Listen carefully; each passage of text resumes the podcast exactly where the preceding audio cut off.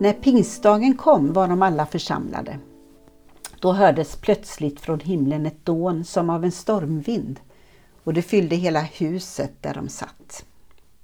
Alla fylldes av helig ande och började tala andra tungomål med de ord som anden ingav dem. Så börjar berättelsen om pingstdagen som finns i Apostlagärningarna. Pingstdagen, den dag när anden kom. Berättelsen fortsätter och säger att förvirringen blev stor när var och en hörde just sitt språk talas och de frågade varandra, vad betyder detta? Det är ganska härligt att tänka att just när man förstår det som talas så frågar man varandra, vad betyder detta? Förstår vi varandra?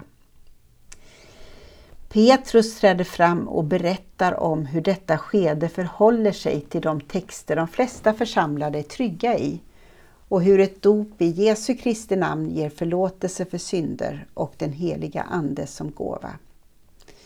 Därefter berättas om de troendes gemenskap som i princip beskriver en kommunitetsgemenskap med öppna dörrar och hjärta för sin omgivning. Jag tycker om den här berättelsen om de troendes gemenskap och tänker ofta på den utifrån min församling. Det är så jag vill förstå den församling jag tillhör.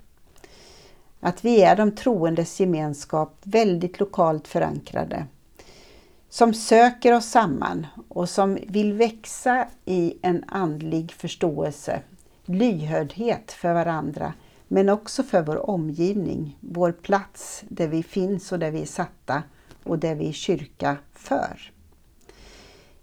Jag tycker om att tänka att vi har ett väldigt tydligt centrum, Jesus Kristus, den treenige guden och en öppenhet för det omgivande samhället. Lite tunn slöja också där.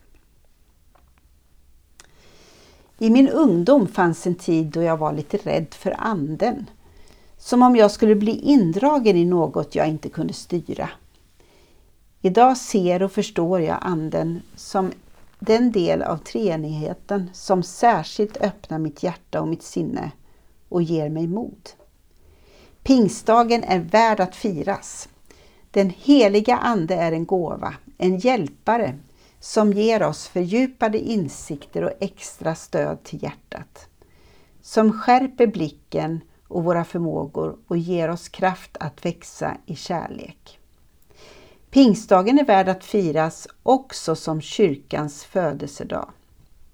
En dag då vi påminner oss om församlingens djupaste kallelse att leva för varandra och i världen, för världen. Vi ber och tackar.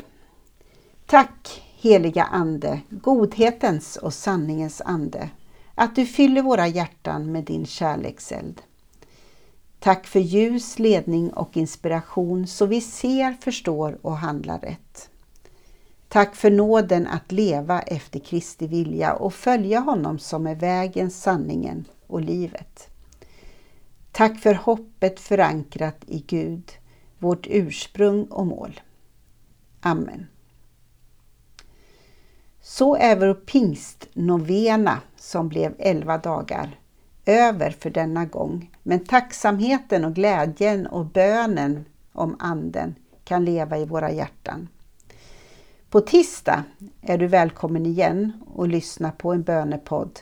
Den här gången med, sträcker vi oss till kommande söndags förbönskalender i Equmeniakyrkan. Men först, Gud välsigna dig och din pingstdag. Hej då!